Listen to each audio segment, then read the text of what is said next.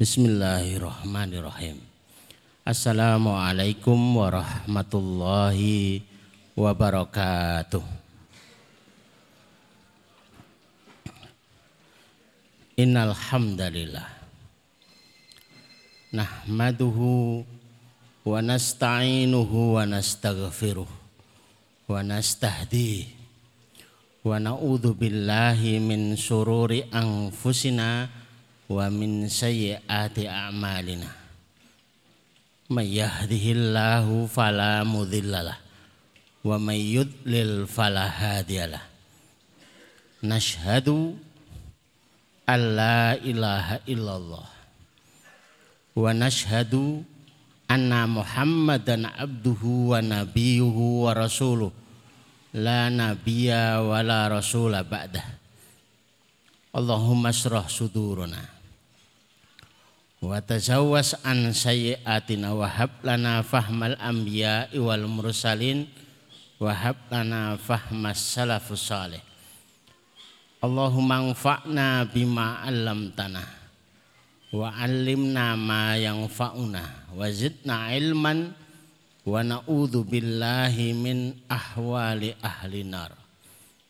Allahumma la sahla illa ma ja'altahu sahla wa anta taj'alul hazna idza syi'ta sahla. Rabbi zidni ilma warzuqni fahma. Amma ba'd. Bapak, Ibu dan jemaah sekalian yang semoga dirahmati Allah. Semoga diberkahi oleh Allah dan semoga dicintai oleh Allah Subhanahu wa taala. Beberapa menit sebelum naik di atas panggung, kebiasaan saya itu buka Quran.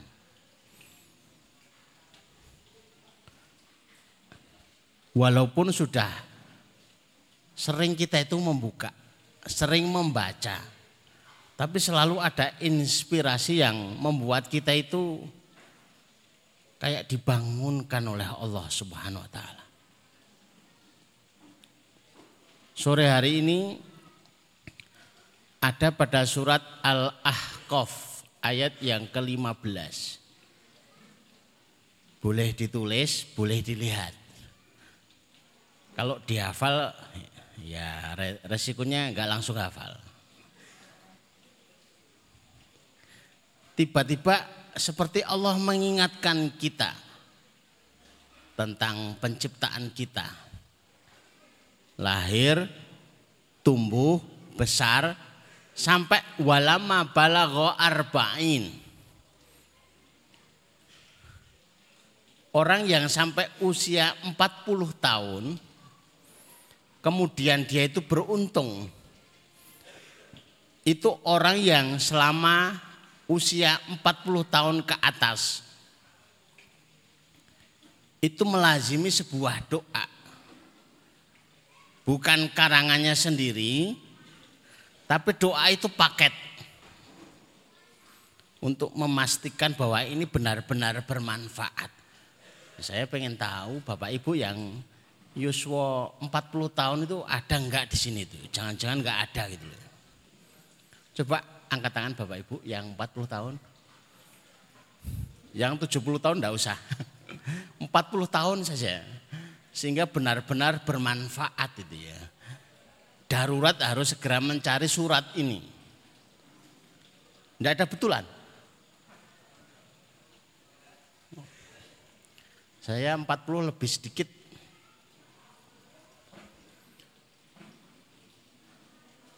usia 40 tahun saya baca doa ini.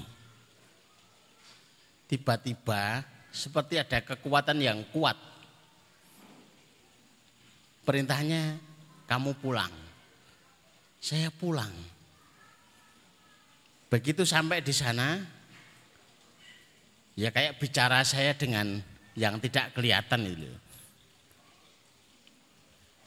Jenengan itu tausiah di mana-mana. Bermanfaat Ya. Tapi kiprahmu di desa mana? Tempat lahirmu mana? Seketika itu saya langsung membuat pengajian. Desa yang selama 17 tahun satu pengajian pun belum pernah saya buat di sana. Kalau Bapak Ibu itu belum pernah kenal, desa kami itu dikenalnya itu desa Abangan. Jadi kalau kena namanya Muso itu ya dari daerah kami. Karena kami dari Madiun walaupun Magetan ya. Kalimatnya Magetan tapi dekatnya Madiun. Bahkan sumur yang sering diperingati itu di desa kami. Sumur keganasan PKI itu di desa kami. Membuat pengajian pertama kali. Resikonya luar biasa. Selama 18, selama 17 tahun sebelumnya belum pernah ada. Bukan karena tidak ada ustadz gitu ya. Ustadz itu banyak. Tapi ternyata tantangan membuat pengajian itu rata-rata semuanya itu tersungkur. Tantangannya terlalu banyak. Ada yang dicemooh. Tapi tantangan yang paling berat orang enak sing teko. Ndak usah dicemooh. Yang penting pengajian orang enak sing teko. Oh, saya pernah digantikan oleh ustadz lain, itu yang datang 100. Hujan-hujan datang 100. Ya kayak bukan pengajian lah. Padahal kalau yang biasa ngisi saya itu seribu lebih. Bahkan berdesa-desa itu datang. Yaitu ceritanya ayat ini muncul begitu tiba-tiba kami harus berkunjung ke makam ibu. Tidak tahu, saya tanya sama Pak Lek, Pak Lek itu, makamnya ibu mana? Ya anak ranggenah orang ngerti makam ibu eh. Bukan nggak tahu, cuma lupa. Dulu ndak tahu, sekarang lupa. Terus podo lah. Intinya saya ya orang kelingan. Setelah tanya itu makam bapak saya mana? Kok ada tarikan harus membersihkan? Bukan masalah membersihkan makamnya. Karena saya pengen berbakti gitu ya. Saya bersihkan menurut ingatan saya. Saya foto, saya kirimkan ke kakak saya. Bersihkannya aja itu sudah sewa orang. Ternyata jawaban kakak, iki kleru, itu kuburannya wong. Lah saya kecewanya wis kadung resik. Ini gara-gara ndak tahu. Tandanya kuburannya bapak apa tau? Lah dulu ada pohonnya kecil gitu loh. Lah sekarang itu jadi besar. Jadi kalau nandai sesuatu itu kalau pohon itu susah. Kan nggak mungkin pohon kecil terus kan nggak mungkin itu nggak mungkin. Jadi malah jadi bahan ketawaan. Kalau dicermati isinya doa itu apa toh? Ternyata Robbi auzini an ashkuroni matakalati ana amta alaiya. Ya Allah, saya sudah sampai 40 tahun. Bukan hanya munculkan rasa syukur. Kalau muncul itu kan belum terasa banget. Tapi langsung yang dipilihkan Al-Quran untuk dalam doa itu auzi nih. Tanamkan. Jadi bahasanya kalau auzi nih itu kayak orang nanam kacang itu ya. Bukan hanya ditanam gitu ya. Tapi dikecik itu ya. Apa namanya dikecik itu ya. Dibuat lubang. Ini paksa tanam. Ya Allah, apa pun yang terjadi, Pantesan oh kita ingat orang tua betul itu. Harus pengen pulang banget. Ada apa toh? Karena bacanya Robi nih an askuro. Jadi mensyukuri keberadaan dia nikmat selama 40 tahun itu tiba-tiba itu teringat semua. Benar seperti yang disampaikan Ustadz Fahmi tadi. sabar dan syukur itu kayaknya kok mudah sabar. Bukan. Syukur lebih sulit. Karena selalu disifati wa qalilum min ibadiyah syakur. Yang syukur itu sedikit. Berarti wilayah sabar itu banyak. Auzi'ni an askura nikmatakal lati an amta alayya. Setelah itu selesai, pandangan yang yuswa 40 tahun sudah mensyukuri keberadaannya. Bagaimanapun sampai 40 tahun, lah kok masih kenal Islam itu luar biasa. Itu rincian tafsirnya itu panjang. Saya tidak membahas tafsirnya ini. Karena jadi seni menikmati musibahnya jadi hilang. Wong dengan melihatnya udah seneng awalnya. Apa ono cerita, musibah kok di dibuat seni. Dinikmati lagi. Susah. Tapi orang sudah curiga, datang tuh mestinya curiga. Kalau sudah disebut seni, menikmati, itu bertanda itu berat. Musibah itu bagaimanapun berat. Agar jadi ringan, maka harus dengan seni. Cara menikmatinya. Robbi auzi'ni an ashkura nikmata kalati an amta alaya wa ala walidayya. Usia 40 tahun, itu kalau nggak ingat orang tua susah walidaya. Itu waktunya kita itu untuk apa ya? Bahasanya itu memperbarui semangat birul walidain. Karena usia 40 tahun itu kalau lihat orang tua itu tidak seperti usia sebelum 40 tahun. Ibu yang cantik sekarang tuh nggak cantik lagi kok. Keriput tambah soyo rewel bapaknya tambah saya angel. Pertanda bahwa kalau anak usia 40 rata-rata bapak ibunya itu ya yuswa 70. Kalau usia 70-an tahun tuh bertambah susahnya. Saya ketemu kakek ke saya yang usia 70 tahun. Itu super. Gara-gara cuma saklar listrik itu loh. Belum dinyalakan. Klek klek klek klek klek. Iki nyapa to kok kok listriknya mati. Nggih Mbah, niku listriknya mati. Itu nggak sampai satu menit balik lagi. Klek klek klek klek klek. Iki nyapa to? Mati Mbah. Belum satu menit datang lagi. Klek klek klek klek klek. Kira genah sing nom-nom ora genah. Ngerti lampune peteng kok raya nih. Mati, Mbah. Belum ada satu menit muter. Ngelihat lagi, klek klek klek. Iki nyapo, mbok didandani. Mati, Mbah. Hampir kita itu serumah itu jengkel. Lalu ngerti mati lho, mbok ya wis. Ternyata merawat orang tua itu super jam 7 didulang sarapan. Piringnya masih ada, sendoknya masih ada.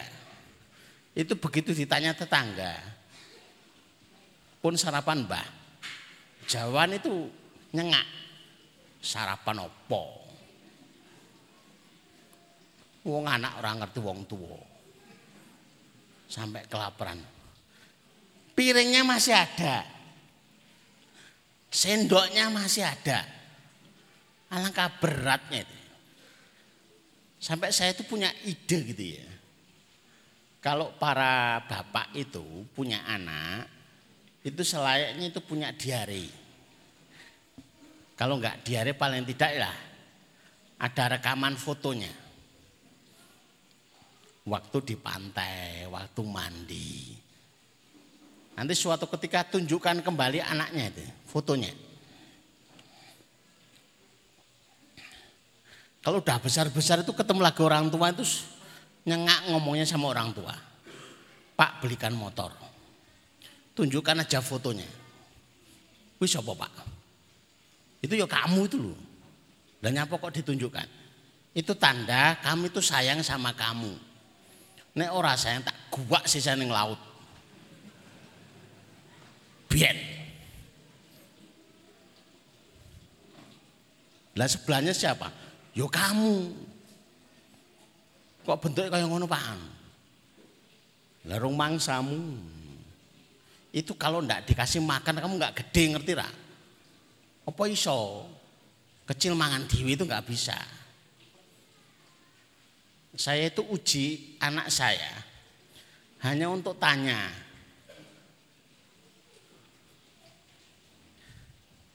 Itu yang lewat itu apa nak? Itu truk pak, bah. Lah kok gede? Itu apa tuh bah? Itu truk. Lah kok warnanya ngono? Masa truk kayak gitu? Iya itu truk, Mbak. Itu tanya tiga kali saja bapaknya. Itu jengkel kok anaknya. Padahal itu tanya sama saya itu waktu kecil itu nerangkan burung tuh ngantek peng papat empat kali itu loh.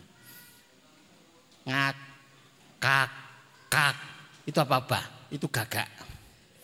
Loh kok hitam loncat-loncat itu apa bah? Itu gagak. Tapi kok di atas pohon tebah? Ya itu itu gagak. Tapi masih ada sayangnya. Tapi begitu jatuh ke anak, nerangkan truk saja. Bawaannya itu ngajak perang. Abad mungkin truk ya truk. Nek seorang mudeng ya wis. Itu birul waliden. Usia 40 itu kerasa banget.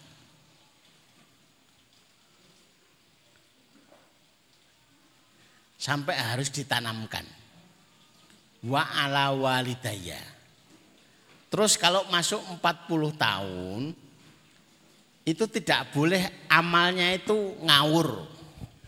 Aku tak sholat ngawur. Terus aku pokoknya amal. Nah tarah takdirnya masuk surga ya masuk surga. Tidak bisa kayak gitu. Wa an a'mala solihan tardoh 40 tahun itu sudah berdoa kepada Allah, ya Allah hadirkan tunjukkan kepada kami amalan yang pasti engkau ya pasti engkau ridhoi. Jadi ditunjukkan kepada amalan yang pasti-pasti saja. Daripada kemudian kejadiannya ini sudah capek melakukan amal, orang ngerti yo, itu dalilnya belum jelas. Maka sekalipun ikhtiarnya itu dicari dalam tolabul ilmi. Doanya itu diminta kepada Allah subhanahu wa ta'ala. Dan terakhir yang luar biasa. Ini tubtu ilaika. Wa ini minal muslimin. Ya Allah usia 40 tahun. Saya bertaubat kepada masukkan saya dalam golongan orang-orang muslim. Wala tamutunna illa muslimun. Itu bukan dipesan usia-usia yang sudah tua. Justru peringatan Al-Qur'an, wanti-wantinya Al-Qur'an itu sejak usia 40 tahun. Wala tamutunna illa antum muslimun. Maka oleh sebab itu Bapak Ibu yang dirahmati Allah Tadi sudah saya ingatkan, tapi saya ulang. Al-Ahqaf ayat 15. Usahakan panjenengan yang sekarang usianya sudah 40 tahun, bukan berarti yang lebih dari 40 tahun, aku wis bablas sih, wis beres. Jangan-jangan kita belum berdoa. Ndak usah kita tak wakilkan dengan anak. Wah, oh, ndak bisa nah itu, wong kita masih hidup kok. Alhamdulillah. Kok disebut spesifik gitu loh. Coba kalau tidak disebut spesifik. Kan harus mengerti tafsirnya. Dadak ngulai tafsirnya. Dadak menjelaskan lagi. Jelimet gitu. Lah ternyata itu jelas. Tidak perlu mencari-cari kalau 40 tahun itu yang dikerjakan apa. Kalau panjenengan 40 tahun sudah mulai berdoa dengan ini, insya Allah. Beramal dengan amal itu yang pasti-pasti. Enggak ngawur-ngawur. Jelas diridhoi oleh Allah subhanahu wa ta'ala. Nah kalau dibaca ayat yang ke-16 itu sebagai stempelnya. Ayat yang ke-16 itu stempelnya ula ikan natakobbalu natakobbalu min hasanatihi. Kalau dia berdoa dengan ini jaminannya adalah bakal diterima kebaikannya. Wanatazawazu an atihi Yang salah-salah itu bakal dilewati. Ini kan alhamdulillah kita itu mendengar itu ya. Coba kalau nggak mendengar. Kalau usia 40 tahun sudah beramal tapi belum diterima, kita itu masih gamang. Tapi 40 tahun berdoa dengan ini itu jaminan. Usia 40 tahun itu kalau dihitung dosanya. Wah, sudah nggak kehitung itu. Pakai kalkulator aja bisa habis angkanya itu habis belum habis baterainya sudah habis angkanya. Tapi alhamdulillah kita dikasih tahu jaminan. Ulaika natakobbalu min hasanati. Mereka yang berdoa usia 40 tahun dengan doa ini jaminannya adalah diterima kebaikannya, kebaikannya. Wanata zawaju dan dimaafkan kesalahannya. Min ashabil jannah Bahkan jaminannya itu bakal termasuk ashabul jannah. Tapi juga nggak boleh seneng. Sudah termasuk ashabul jannah. Karena diteruskan lagi, lakui kapan? Lambu. Kalau harus di apa tuh harus dicuci dulu dosa-dosanya itu repot. Harus dibilas dulu, nah itu repot. Kalau sudah sampai itu sudah, sudah usah dipikirkan. Mau kita sudah melakukan petunjuk yang terbaiknya. Daripada mikirkan itu, mending mikirkan materi ini. Seni menikmati musibah. Saya membaca itu juga mikir. Mudah-mudahan panjenengan juga mikir. Memang musibah itu enak kok dinikmati. Tapi masalahnya dinikmati ya musibah, enggak dinikmati juga musibah. Sama-sama musibah, mending dinikmati saja. Maka ada beberapa petunjuk yang mudah-mudahan kita ketemu sama-sama menikmati tapi justru seninya ada di situ. Next.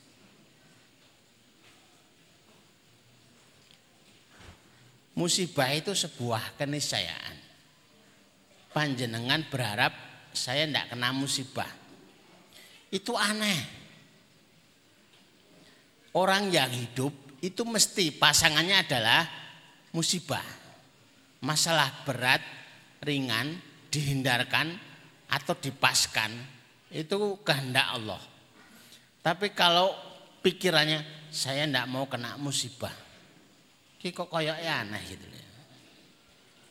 Sementara itu sudah menjadi keniscayaan, keputusan. Idza ahabballahu qauman ibtalahum. Jika Allah mencintai suatu kaum, tandanya adalah pasti diuji. Maka diragukan Allah itu cinta kepada kita. Kalau itu buktinya enggak ada apa bukti cinta Allah kepada kita? Ibatalahum diuji. Lah kok hidupnya itu ruwet gitu ya. Kena hutang aja. Seringnya ranti duit. Itu tanda dicintai oleh Allah. Maka melihat sebuah ujian itu jadi beda. Bahkan saat bin Abil Wakos itu tanya sama Rasulullah. Ya Rasulullah. Siapa di antara manusia yang paling berat ujiannya? Ayun nasi asyaddu bala'ah. Jadi jangan merasa paling berat ya. Karena yang merasa paling berat itu ketemu hadis ini. Rasulullah jawab, Al-Ambiya. Ujian paling berat itu sudah diborong para nabi. Sementara panjenengan itu bukan nabi. Jadi tidak usah ngaku-ngaku ujiannya paling berat. Sementara ujian paling berat itu sudah diborong para nabi statusnya nabi. Punya mukjizat, dicintai oleh Allah. Tapi lihatlah kehidupannya. Kan ngeri gitu ya. Lah kok iya dibakar itu loh. Kan ya bisa saja toh. Apinya itu dibuat mejen itu bisa aja itu. Dinyalakan mati, dinyalakan mati. Tapi faktanya Nabi Ibrahim itu ya terbakar. Cuma kejadiannya terbakar tapi tidak terasa panas. Karena sudah sebelum disentuh sudah dapat dikir. Jadi kalau kita itu punya ujian tidak usah ngarang dikir. Wis kok. Mending kita mengulang yang sudah ada. Ini kita ujian ini cocoknya kodo podo karo doanya Nabi Ibrahim. Itu luar biasa. Kalau ujiannya itu kelasnya ujian Nabiullah Ayub. Ya sudah pakai doanya Nabiullah Ayub. Kalau ujiannya itu kelasnya Nabiullah Yunus. Sampai dia itu komennya. Ini gelap. Kayaknya nggak ada jalan wis semua jalan gelap. Tidak ada titik terang. Berarti kok suasananya kayak suasana Nabiullah Yunus. Nabiullah Yunus itu gelap tiga lapis. Gelapnya malam, gelapnya lautan, yang ketiga. Yang ketiga, gelapnya di dalam perut ikan. Jadi kalau ngerasakan ujian hidup gelap lapis tiga. Sekarang sudah muncul kalimat itu. Kalau ditanya, terus bunti pun Pak, au ah gelap. Au ah gelap. Dua kali. Saya tak anteni sih menawa ping telu. Lah napa? Nek ping telu wis padha Nabiullah Ayub. Terus bunti wah Pak, au ah gelap. Eh, wis ping telu. Berarti doanya Nabi Yunus ditelan ikan. Itu masih hidup kok. Maka doa itu hari ini itu jadi jimat. Diantem tsunami, kelasnya di Palu, kelasnya di Lombok, sampai dijungkir balikkan tanahnya diaduk-aduk. Itu selamat Ditanya apa amalannya? Mayoritas itu baca doanya Nabiullah Yunus alaihissalam. Jadi kalau ujiannya terasa berat, butuh selamat, maka ya jimatnya ya doanya Nabi Yunus. Aku tak istighfar wae, rasa nekat. Istighfar itu kalau sudah kelihatan solusi sudah jelas selamat. Ini dalam rangka untuk lancar aja. Yang selamat wae urung kok. Kalau untuk menuju selamat maka doanya Nabiullah Yunus alaihissalam. Tapi kalau bikin lancar itu istighfar. Sekalipun itu sudah kita bahas gitu ya. Ini naik masalah biasa 4000. Naik masalah enggak biasa masalah yang tidak biasa, masalah luar biasa. Keluhannya itu sudah, aku tak biasa. Berarti 10 ribu istighfar. Itu kalau sudah ketemu solusinya loh. Ini sebenarnya bisa solusinya dari sini. Hanya untuk melancarkan. Tapi untuk jaminan protokol selamat itu adalah la ilaha illa anta subhanaka inni kuntu minadz dzalimin. Walaupun itu juga sudah termasuk di dalamnya adalah ungkapan istighfar. Orang istighfar itu hanya dua syaratnya selamat. Wa makan Allah. Allah tidak mungkin menyiksa, mengadab. Syaratnya dua. Yang pertama masih bersama nabinya. Dan itu tidak mungkin kita. Wong sudah ndak ada 15 abad yang silam. Tapi masih ada kesempatan satu lagi. Wa makanallahu yu'adzibahum wa hum yastaghfirun. Allah enggak bakal ngadab selama mereka itu adalah ahli istighfar. Jadi yang pertama, idza ahabballahu qauman ibtalahum musibah itu tanda, bukti, stempel kalau kita itu dicintai oleh Allah. Bahkan kita curiga, masa hidup selama 50 tahun belas gak kena nggak ketemu musibah. Mikir abot pun enggak. Ora tau loro, ora tau utang.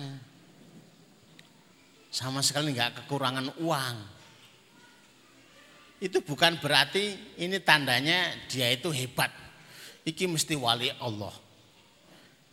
Belum tentu. Boleh jadi malah itu wali murid. Bukan. Wali Allah. Kalau wali Allah sudah kami terangkan, para nabi sekalipun itu diuji. Jadi ujian itu adalah sebuah keniscayaan mendapati orang kok diuji itu bukan remeh, bukan hina. Tinggal bagaimana sikapnya saja. Kalau diuji dia sabar, dia segera berpegang kepada petunjuk Allah, janji Allah, itu segera dia itu kayak orang hanyut, segera berpegangan kepada rumput, akar, ataupun tongkat untuk selamat. Next yang kedua, ini nggak bisa loh ya. Ini aksesoris saja. Biar dilihatnya itu kelihatannya kayak keren gitu loh ya. Musibah itu adalah sunnatullah. Jadi kayak tua. Berjuang untuk tidak tua itu impossible. Karena tua itu adalah sunatullah. Berjuang untuk tidak ubanan. Lo ubanan itu sunatullah. Mending daripada repot-repot memperjuangkan agar tidak beruban. Ditambah ilmunya saja. Uban itu adalah tandanya malaikat yang mulai mendekat. Janjinya kok beda. Cuma masalahnya yang mendekat itu malaikat siapa gitu Malaikat rahmat itu seneng ya. Berarti rezekinya akeh. Tapi kalau kesimpulannya kalau yang mendekat itu malaikat Israel. Tidak setiap yang ketemu malaikat itu mesti anugerah. Maka kalau panjenengan itu ketemu ini sosok saya nggak kenal. Ditanya, panjenengan siapa? Aku malaikat. Nah, setelah tanya, kalau malaikat namanya siapa? Namanya Ridwan. Itu luar biasa. Namanya Israfil. Wah ini cocok. Tapi kalau namanya siapa? Saya Israel. Sudah pintunya ditutup saja. Pun katuran kundur malih. Enggak. Saya tidak perlu tamu dengan modal panjenengan. Tapi saya malaikat ora peduli. Malaikat kok medeni. Malaikat itu bawa rahmat.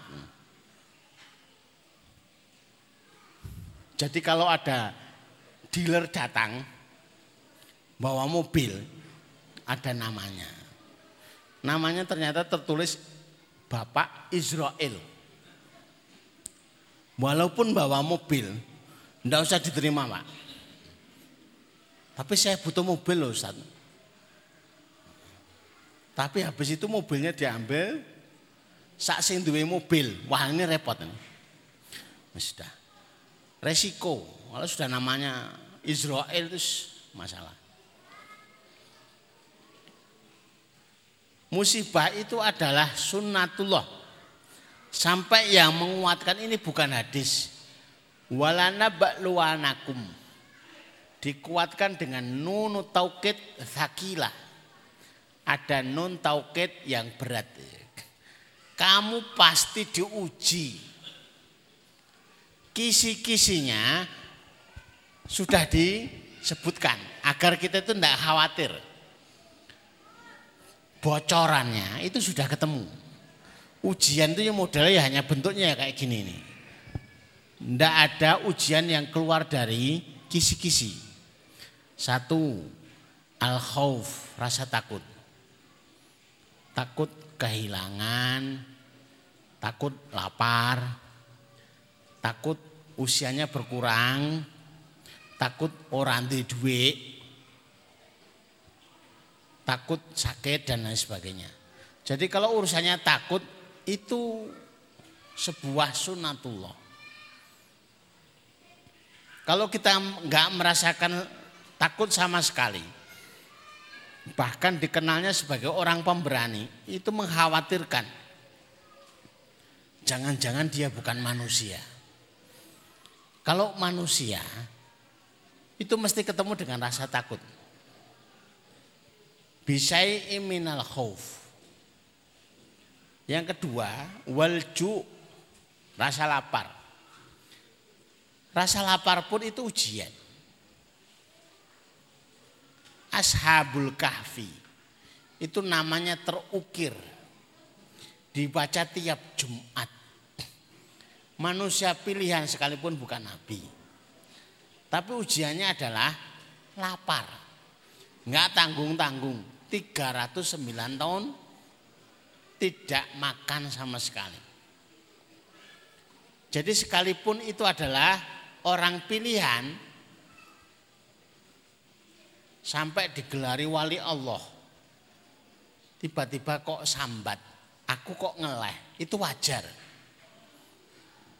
Ya enggak wajar itu kalau ngomong, aku ora tahu ngeleh. Lah itu wajar. Enggak wajar itu. Wa naqsi minal amwal wal anfus was samarat akan berkurangnya harta berkurangnya jiwa berkurangnya hasil panen.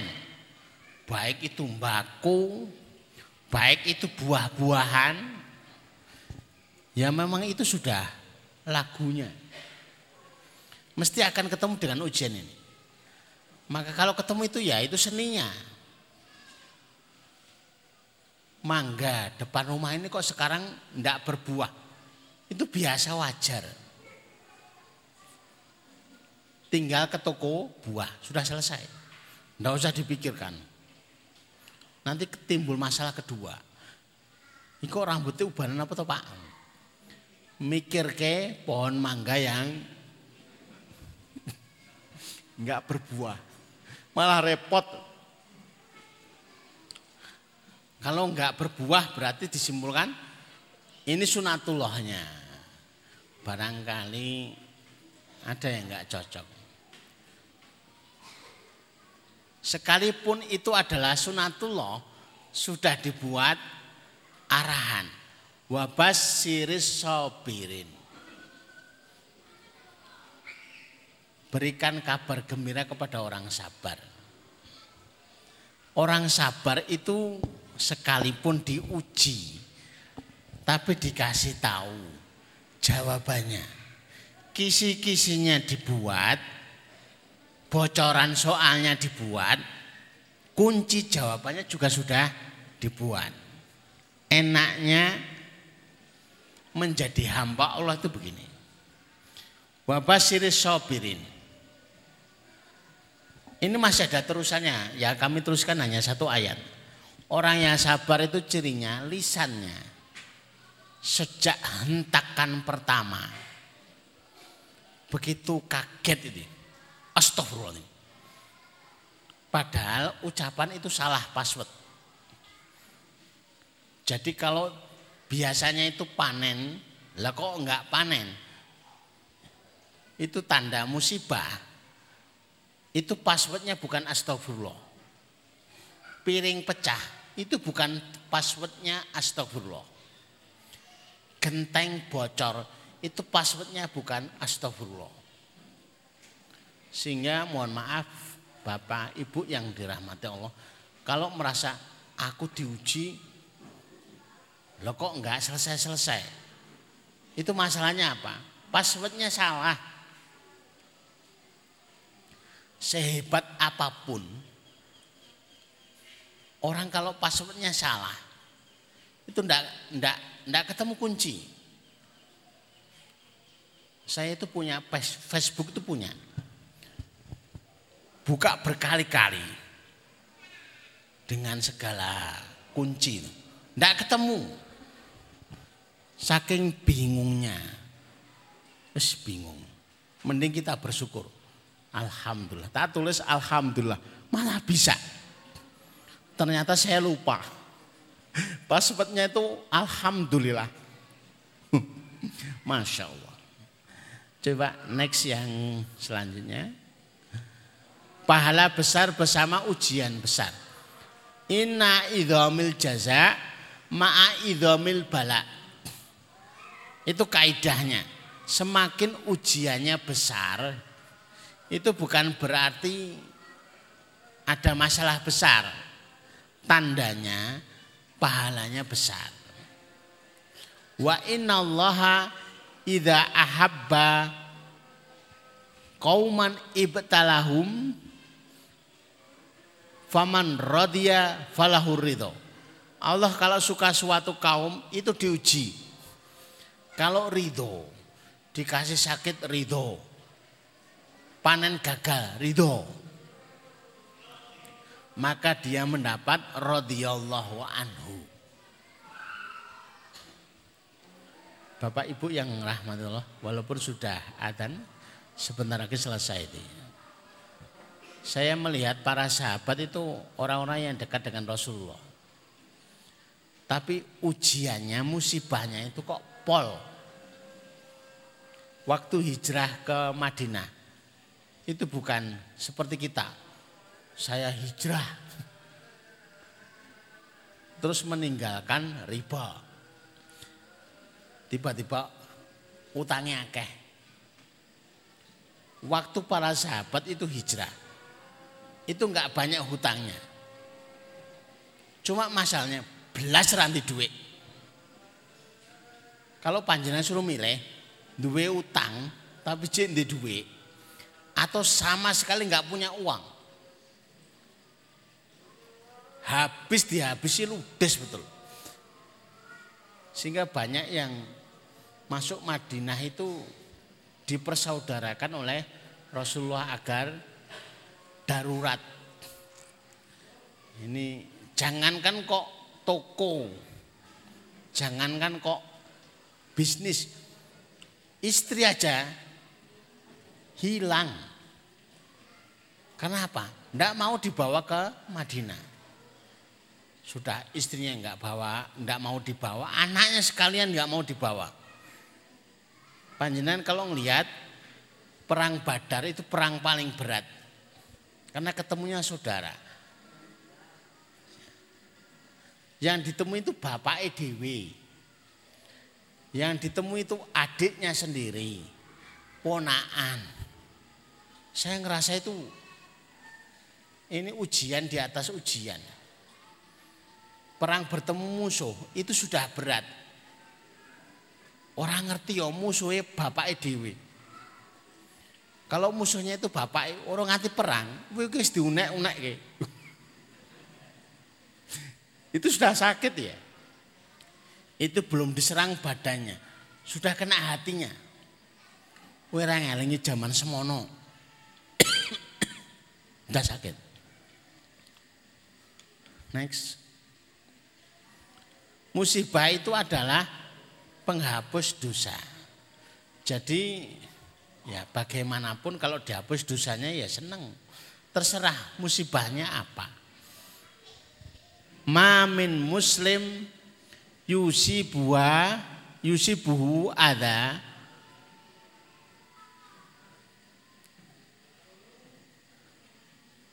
marido. Fama siwahu illa khattallahu sayyiatihi kama takhutu asyajarah aurokoha seorang muslim yang mendapati musibah sakit atau yang semisalnya itu akan dihapuskan dosa-dosanya sebagaimana pohon yang gugur daun-daunnya. Rontok dosanya, asal dia sabar. Maka kalau diuji dengan sakit kelasnya itu ya panas. Sekalipun saya juga merasakan ya. Proses kami penyembuhan itu kalau pijat saraf. Itu sakitnya luar biasa. Tapi kalau sadar hadisnya ini, ya tak sabari. Yang penting baru mulai. Karena tahu tukang pijit itu kalau pakai alhamdulillah itu rampung. Dia sudah menyelesaikan pijitannya. Saya kalau baru mulai pijit itu sudah teriak alhamdulillah. Kenapa Ustaz? Rampung. Ternyata pijitnya tetap ternyata sakitnya luar biasa. Coba next. Sit. Nah, pahalanya terus mengalir asal sabar dan berilmu. Idza maridul abdu au safaro kutibalahu mithla makana ya'malu mukiman sahihan. Kalau seorang hamba itu sakit atau safar, argo hitungan pahala baginya itu tetap akan mengalir sebagaimana mukiman sohihan dia itu kondisinya mukim dan sehat. Panjenengan safar ke sini, otomatis yang ditinggalkan itu ora sempat tilawah, tidak sempat amal-amal yang lain. Jangan khawatir, sudah tahu ilmunya, Tapi yo jangan menyengaja belas ora tilawah. Paling dihitung padha karo mukim. Aku ora tilawah belas. Ternyata dalam safar itu dia tilawah harusnya jatahnya itu tiga juz. Ternyata hanya dapat satu juz. Itu sudah hitungannya itu tiga juz.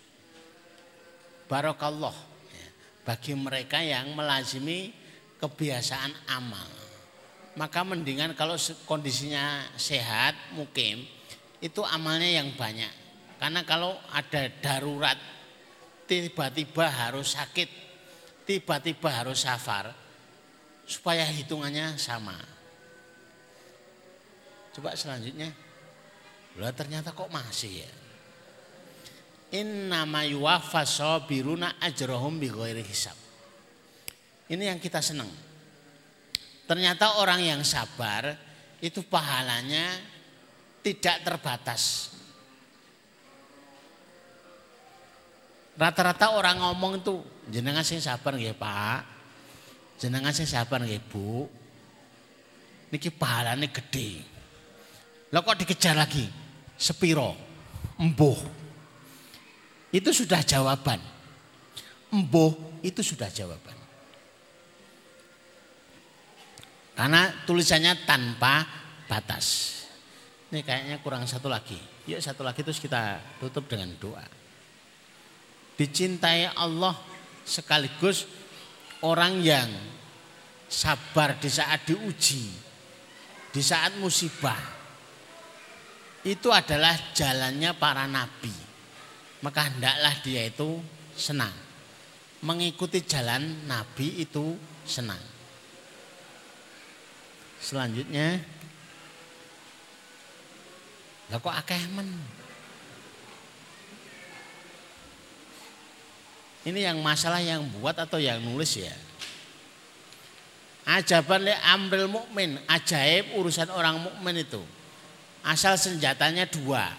Kalau diuji musibah sabar. Itu berpahala.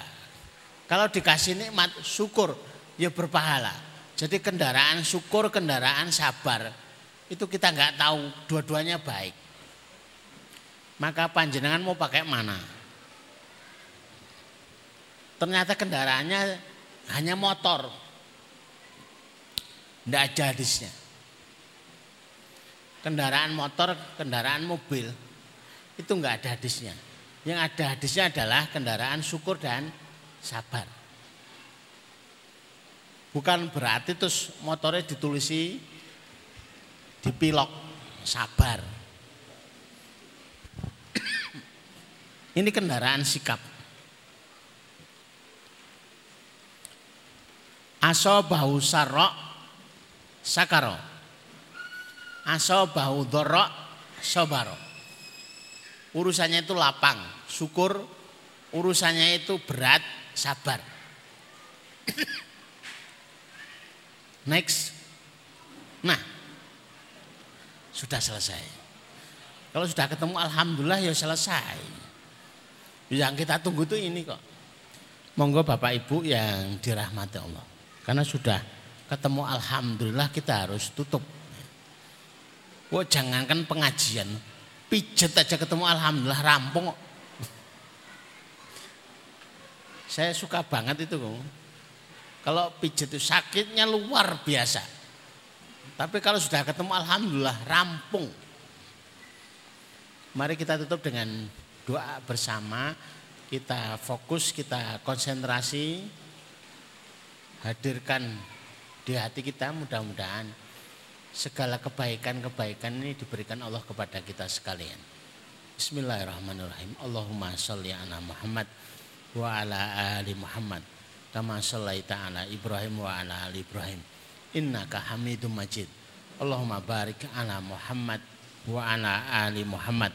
Kama barakta ala Ibrahim wa ala ali Ibrahim. Fil alamin innaka Hamidum Majid. Walhamdulillahi rabbil alamin. Hamdan syakirin. Hamdan naimin. Hamdan ni'ama wa yukafi mazida ya rabbana lakal hamdu kama yang bagi li jalali wajhika wa azimi sultanik la ilaha illa anta subhanaka inni kuntu minadh-dhalimin la ilaha illa anta subhanaka inni kuntu minadh-dhalimin La ilaha illa anta subhanaka inni kuntu minadh-dhalimin. Allahumma ya Rahman ya Rahim ya Hayyu ya Qayyum ya Dzal Jalali wal Ikram. Allahumma ya Rahman ya Rahim ya Hayyu ya Qayyum ya Dzal Jalali wal Ikram. Allahumma ya Rahman ya Rahim. Ya Hayyu ya Qayyum ya Dzal Jalali wal Ikram. Allahumma inna nas'aluka min khairin. Masa'ala minhu nabiyuka Muhammad sallallahu alaihi wasallam. Wa na'udzu bika min syarri masta'ada minhu nabiyuka sallallahu alaihi wasallam. Antal musta'an alaikal balag wala haula wala quwwata illa billah ya Allah sesungguhnya kami memohon kebaikan seluruh kebaikan yang pernah diminta oleh nabi kami sallallahu alaihi wasallam ya Allah sesungguhnya kami memohon seluruh perlindungan yang pernah diminta oleh Nabi kami Shallallahu Alaihi Wasallam. Engkaulah tempat kami meminta. Engkaulah yang menyampaikan urusan. La haula wala quwwata illa billah. Allahumma kfina bihalalika an haramika wa aknina bifadlika aman siwaka. Ya Allah, cukupkan kami dengan yang halal sehingga tidak butuh dengan yang haram. Ya Allah, kayakan kami dengan anugerahmu sehingga tidak butuh kepada selainmu. Allahumma dzibham mana. Allahumma dzibham mana. Allahumma dzibham mana ya Allah. Angkatlah kegelisahan kami. Angkatlah masalah kami. Urailah problematika kami ya arhamar rahimin. Rabbana atina fid dunya hasanah wa fil akhirati hasanah wa qina adzabannar. Wa qina adzabannar wa qina adzabannar. Wa sallallahu ala Muhammadin wa ala alihi wa sahbihi wasallam subhana rabbika rabbil izzati amma yasifun. Wa salamun alal mursalin walhamdulillahi rabbil alamin Aku qouli hadza nastaghfirullah li wa lakum subhanaka Allahumma rabbana wa bihamdika asyhadu an la ilaha anta astaghfiruka wa atubu ilaik wa atubu ilaik. Saya cukupkan. Assalamualaikum warahmatullahi wabarakatuh.